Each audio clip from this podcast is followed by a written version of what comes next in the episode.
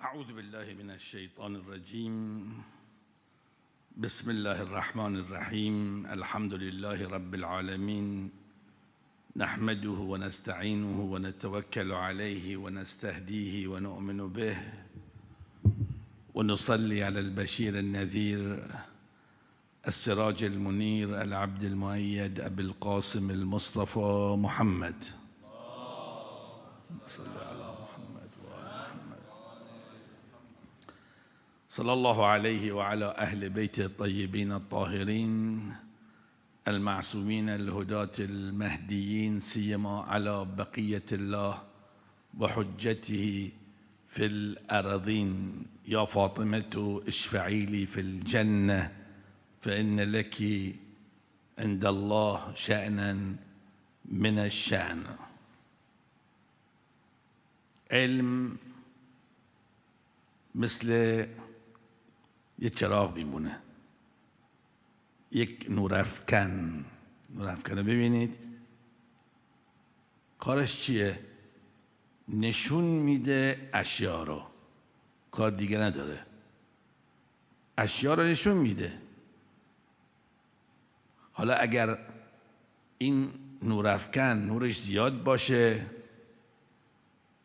ممکنه حتی یه حشره یه مورچه که حرکت بکنه اونم نشون بده.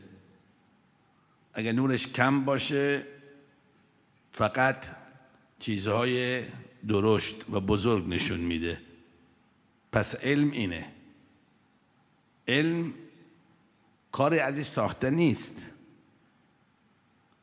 فقط با علم انسان اشیاء رو می‌بینه عالمه. می‌دونه. حالا خداوند میگیم عالم. علم خدا. آیا علم خدا اشیا رو حرکت میده؟ نه. کار به این نداره. فقط علم خدا مسلط بر همه چیز هست. به کل شیء علیم. اونی که حرکت میده اشیا او اراده خداست خواست خداست. بحث اون سر علمه ها. پس علم الهی همه جا رو فرا گرفته. یعلم ما بین ایدیهم و ما خلفهم. ولا یحیطون بشیء من علمه. اصلا اونقدر گسترده هست که در اعماق دریاها ولا رطب ولا یابس الا فی کتاب مبین. و عنده مفاتح الغیب. اگر یک کرم کوچیک حرکت کنه از یه سنگ به سنگی دیگه خدا به این علم داره. الا یعلم من خلق؟ الا یعلم من خلق؟ می کسی که خودش خلقش کرده. یعنی علمش نداشته باشه شخص معنی نداره این. الا یعلم من خلق؟ و هو اللطیف الخبیر. همه جا نفوذ داره علم اینه. حالا اگه کسی تو این وسط ارتباط با این علم پیدا کنه یعنی خدا بهش بگه تو می‌تونی با این علم من ارتباط پیدا کنی. خب اینم خیلی چیزا می‌دونه دیگه. مفتاح بهش بده کلید بهش بده بگه بیا وارد این صحنه بشه و نگاه کن. می‌بینه می‌بینه ای چه چیزایی داره میشه؟ چه قضایایی داره پیش میاد؟ همه چیز. تا روز قیامت. ماکان و ما یکون علم پیدا می‌کنه. علم الهی از طریق او به صورت یک نورافکن یک کشاف به قول ما همه که رو می‌گیره. بعد صحبت می‌کنه. میگه که بله من دارم می‌بینم. هنوز چیزی واقع نشده هنوز صحنه ایجاد نشده. ولی صحنه ای که به ایجاد بشه آینده از الان می‌بینه اونو. چطور می‌بینه؟ می‌بینه؟ مثل یک کسی که میگه من می‌بینم. این بچه بالاخره غرق خواهد شد. چجور فهمیدی؟ گفت صد درصد من می‌دونم. با این وضعی که می‌بینم از این شنا بلد نیست هی داره خودش دریا میاندازه. این مرحله از علمه. درست شد؟ از اول می‌فهمه قصه چیه. این دکتر بشو نیست. این طلبه بشو نیست. از قیافش پیداست. زحمت خودش نده بی خودی نره قم درس بخونه. می‌فهمه. حالا بسته به اینه که با اون اسباب مسببات ارتباطش چقدر باشه؟ حالا یک مثل دل میگه آتیناه من کل شیء چی؟ سببا. فتبع سببا. فهمید خیلی چیزا. یکی هم مثل انسان های عادی کمتر می‌فهمن. حالا کسی ارتباط با علم خدا داشته باشه یه خبرایی میده. چه خبر؟ میگه که یه شهری هست به نام قم. قم؟ بله. مستراح اهل بیته مستراح شیعه است. عش اهل بیته معول فاطمیینه ای هنوز نیمده قوم. نیاد. عجیبه. یعنی اهل بیت قبل از اینکه حضرت معصومه بیاد توی قوم از قوم صحبت کردن. علم دارن دیگه. هم از خراسان گفتن هم از قوم. ستدفن بضعت منی فی خراسان. مردم تعجب. خراسان؟ خراسان کجاست؟ یه عربا با هم صحبت می‌کردن. این خراسان کجاست؟ مثلا ما یه شهر داریم توی مدینه اسمش خراسانه. میگه نه. تو حجاز؟ نه. تو شام؟ چی داره میگه؟ پیغمبر چی داره میگه؟ اون نمی‌دونست. پیغمبر می‌دونه داره می‌بینه. به اذن الله داره می‌بینه. میگه تو قم فلان چیز واقع خواهد شد. اینقدر روایات داریم آدم تعجب می‌کنه. حالا هی کم کم جلو میاد. امام موسی بن جعفر با عظمتش میگه که من دارم می‌بینم. رجل من قم یه مردی از قم قیام می‌کنه.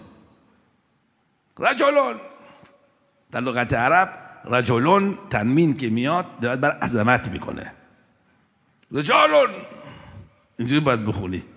مردانی بزرگ عظیم رجلون من قم.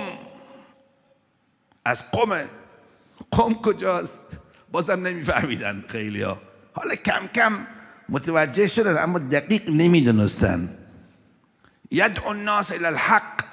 مردم دعوت به حق می‌کنه.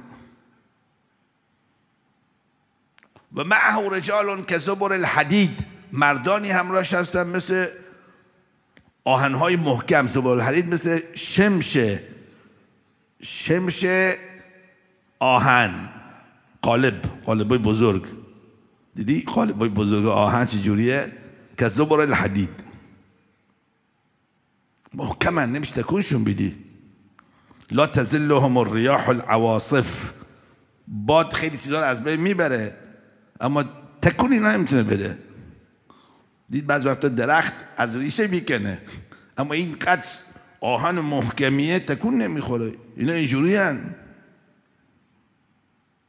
ولا یملون من الحرب. از جنگ نمیترسن ملولم نمیشن. دوست دارن بجنگن. اینا کیه اینا؟ اما نگاه می‌کرد طرف طرف. ولا یملون من الحرب. ولا یجبنون. هیچ وقت ترس به خودشون راه نمیدن. و علی الله یتوکلون توکل بر خدا دارن. توکلت علی الله میدین جلو والعاقبت للمتقین عاقبت مال همیناست که متقینن. هیچ کسی نمی‌فهمد قصه چیه دقیق. ها حالا اینجا کم کم متوجه شدن. چون اشعریون رفتن اونجا و قوم توش سکونت شد کم کم. اما زمانی که حضرت معصوم سلام الله علیها وارد شد و اونجا رهلت کرد و موند. تازه کم کم روشن شد. قصه چیه؟ قصه برمیگرد به این خانم. چرا این خانم؟ بده که یک آقایی هست تو نجفه. یا آقا تو نجف هست. و یه خانمی هست که قبلش معلوم نیست کجاست. حالا ما یک کسی به اسم اون خانم اینجا قرارش میدیم. اون نور خاص خودش داره. اینم ماه اون خورشیده. فاطمه ماه اون خورشیده. دو تا حوزه تأسیس میشه. حوزه نجف حوزه قم. حوزه علوی حوزه چی؟ فاطمی. دیگه اصفهان و مشهد و کربلا و اینا مال حوزه نیست. اونه که توی مقوله هستن می‌فهمن چه میگم من. حوزه نجف حوزه قم. جالب اینه که بعد میگه علم منتقل میشه به قم و شد. علم خداست دیگه عرض کردم. وقتی انسان از اون بالا نگاه بکنه همه چی می‌بینه. اشراف داره اهل بیت اشراف دارن بر همه چیز. به اذن الله. حالا مردم اراده دارن البته می‌دونن که مردم چه کار می‌کنن. می‌دونن که یه صدامی میاد مردم رو از نجف بیرون می‌کنه. اهل بیت می‌دونن لذا اینو گفتن. اون به اختیار خودش این کارو کرده ها. علم هیچ وقت اختیار انسان ها از بین نمی‌بره. اول سخنم گفتم. او خودش داره حرکت می‌کنه. چرا؟ به من داره. من دارم نگاش می‌کنم.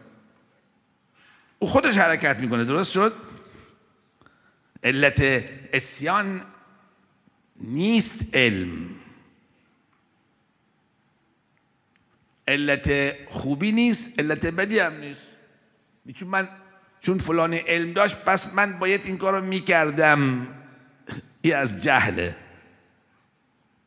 اون شعر معروف یکی از شعرها که انکار خدا می‌کنه می‌خواد گناه هم بکنه.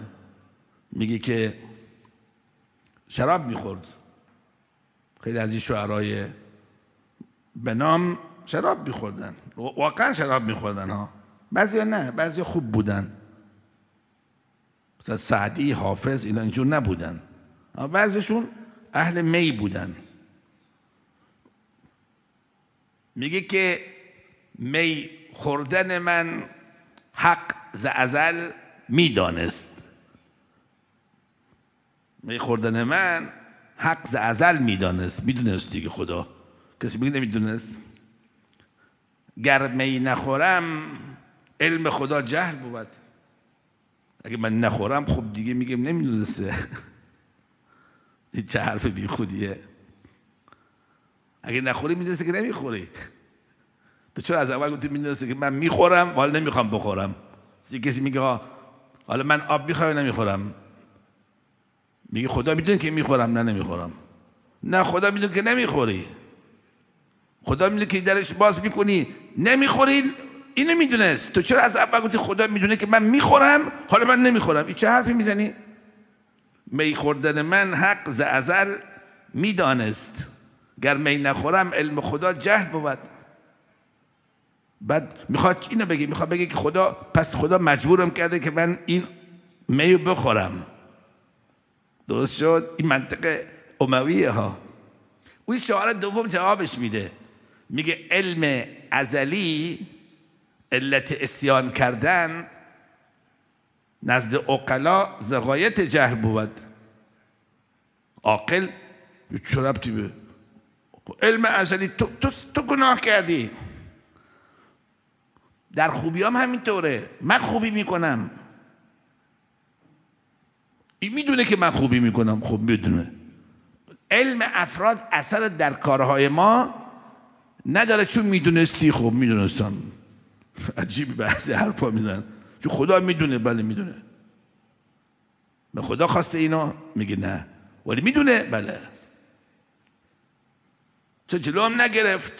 خب باز جلو شما بگیره ملائکه خلق می‌کرد. اختیار بهت داده. میگه تو انتخاب کن. دستا مزمتم می‌کنه چرا کار کردی؟ و من می‌دونم تو این کار می‌کنی. حالا بحث اینه که خدا می‌دونست این مطلب رو. ائمه به اذن الله می‌دونستن. اما باید یک حرکتی انجام بگیره. حالا بعضیا خیلی زرنگن.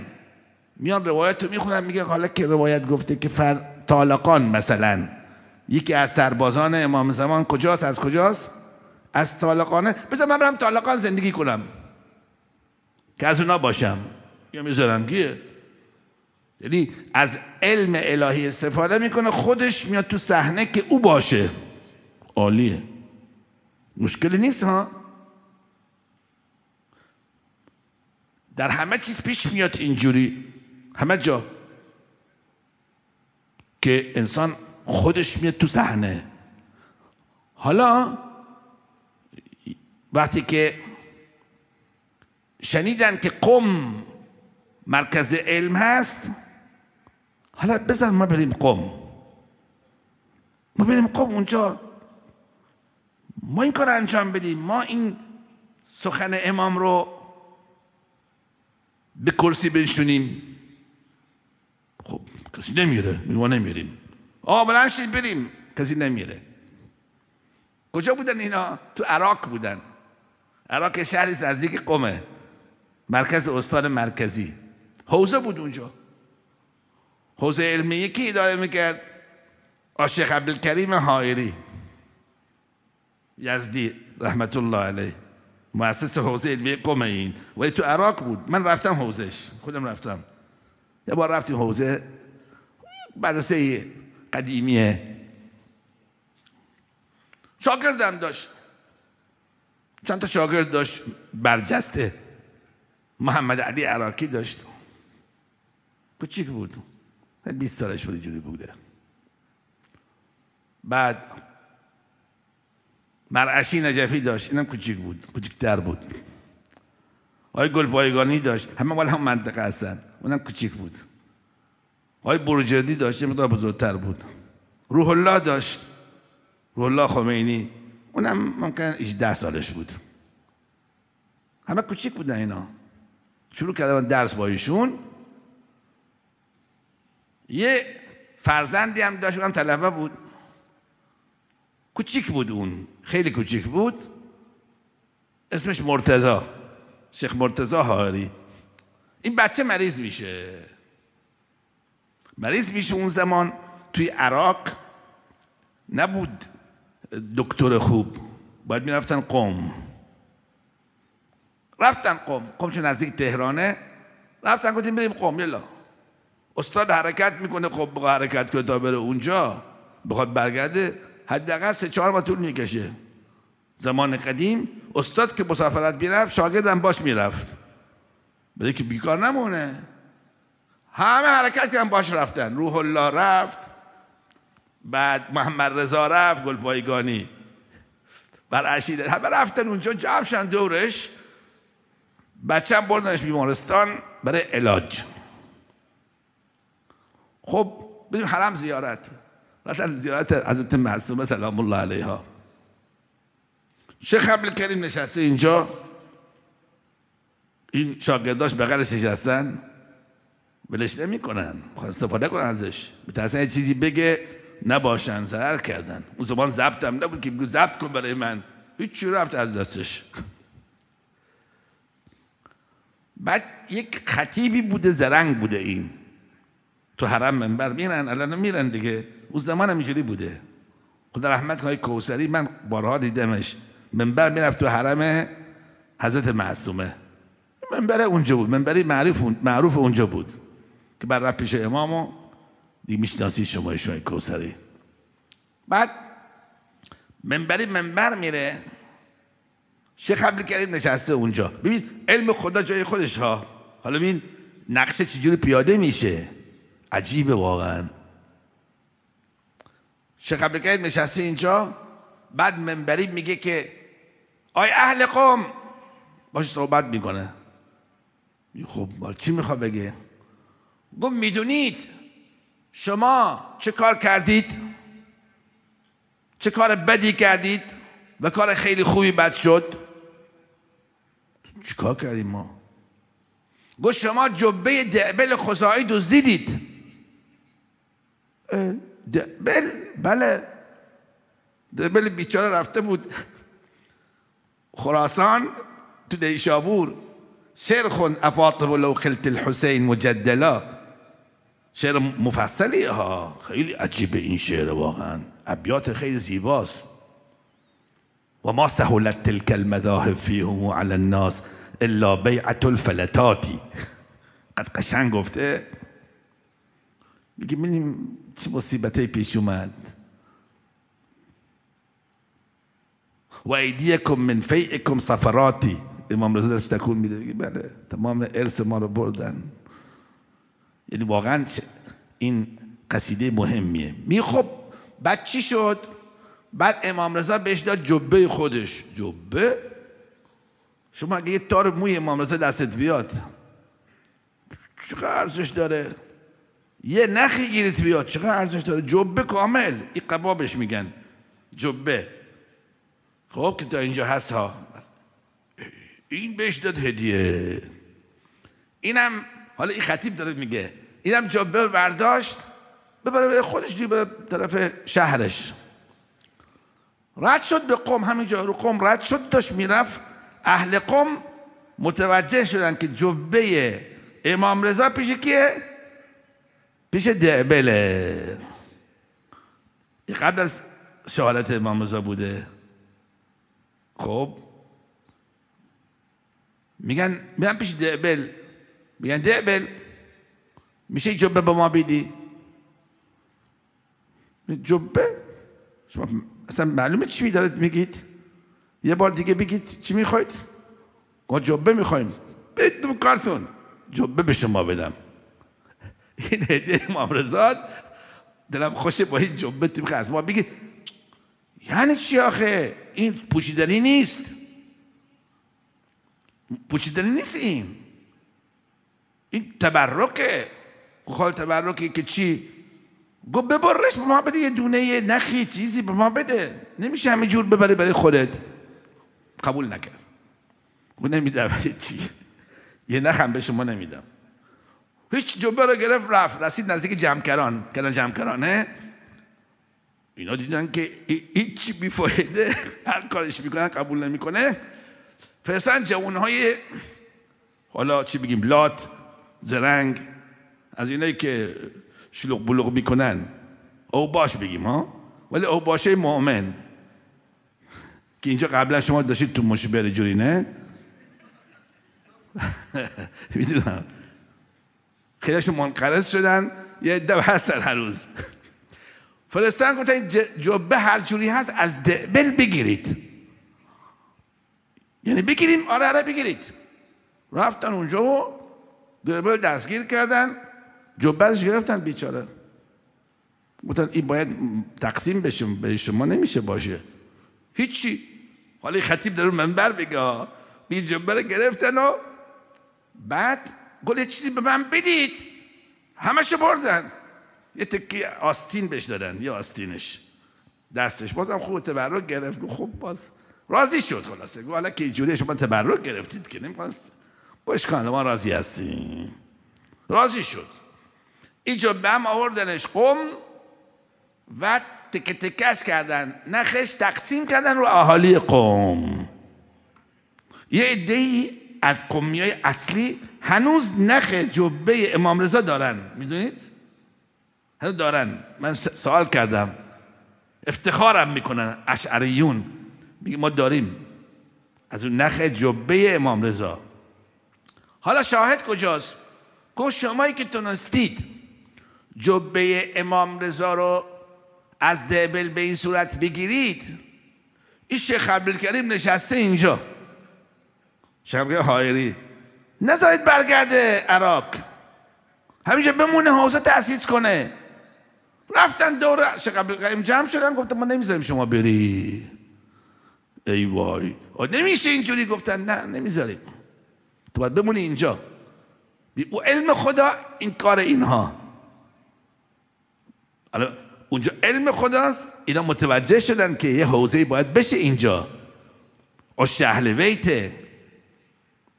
لو کان العلم فی ثریا لناله رجال من فارس یا من العجم. قصه سلمان قصه های دیگه و اسم قوم زیاد معروف بود. قبلا توش علما هم بودن. عربی هم صحبت میگردن می‌دونید؟ خب. ابن قلوی ابن بابوی شیخان الان هست اینا قبراشون هست اونجا. بعد هیچی. متحیر بون چه کار کنیم چه کار نکنیم؟ مشورت که از روح الله از اینا از اونا. تو استخاره. استخاره کردن خوب اومد که بمونن. موندن همونجا. حالا می‌دونم اون سفر برگشتن یا نه ظاهرا بر نگشتن. چون علما معمولا چیز دیگه ندارن. که برن مثلا حساب کتاب کنن فلان کنن. مش لباس اینا. همونجا موندن. وقتی که آقای شیخ عبدالکریم هایری آیت الله شیخ عبدالکریم هایری که بهش میگن ها شیخ موند روح الله هم موند. حالا اون رجل من قوم ها درست شد اینجا. یدعو الناس إلى الحق. عجیبه ها. قم شد قم. یا فاطمه اشفعیلی فی الجنة فإن لك عند الله شأنا. من الشأن شأن عظیمی واقعا دارد. و من همیشه میگم فاطمه معصومه جمکران. امیر المؤمنین کوفه و سهله. به ارتباط و واقعا الانم قوم غوغا کرده. اگر شیعه در نیجریه در سرالیون در چین در چین در مالیزی در اندونزی در روسیه شوروی سابق در برزیل و غیره. همش از برکت حضرت معصومه سلام الله علیه هست که امشب شب شهادت این حضرت که واقعا مظلومانه و غریبانه شهید شد. عاشق امام رضا بود. پشت سر امام رضا حرکت کرد ولی خب خیلی اذیت شد. با یه عده از خانم های فاطمی حرکت کردن تا رسیدن به قم و مریض میشه. حالا بحث اینجا زیاده که آیا قبل از امام رضا بوده شهادتش یا بعد از امام رضا بوده؟ علی حال مریض میشه. اما خیلی بهش احترام کردن وقتی وارد شد. اونطوری که نقل می‌کنن فرش هاشون سجاده هاشون آوردن بیرون گذاشتن که به اصطلاح کاروان حضرت معصومه که اخت رضا هست. روی این فرش ها حرکت کنه. خیلی استقبال کردن از ایشون. حتما همون لحظه ای که از ایشون استقبال می‌کردن خودش. یاد زینب میافتاد با اون صحنه ای که در شام رخ داد که وقتی اهل بیت وارد شام کردن زید ابن ارقمه میگه تعجب کردم خدای چی شده؟ جشن گرفتن اینها. کی می‌خواد بیا گفتن خارجی ها می‌خوان بیان. با چه وضعی؟ زینب وارد شام شد. و اون صحنه هایی که در شام رخ داد. صلی الله علیک. یا مولای یا ابا عبدالله. صلوات خدا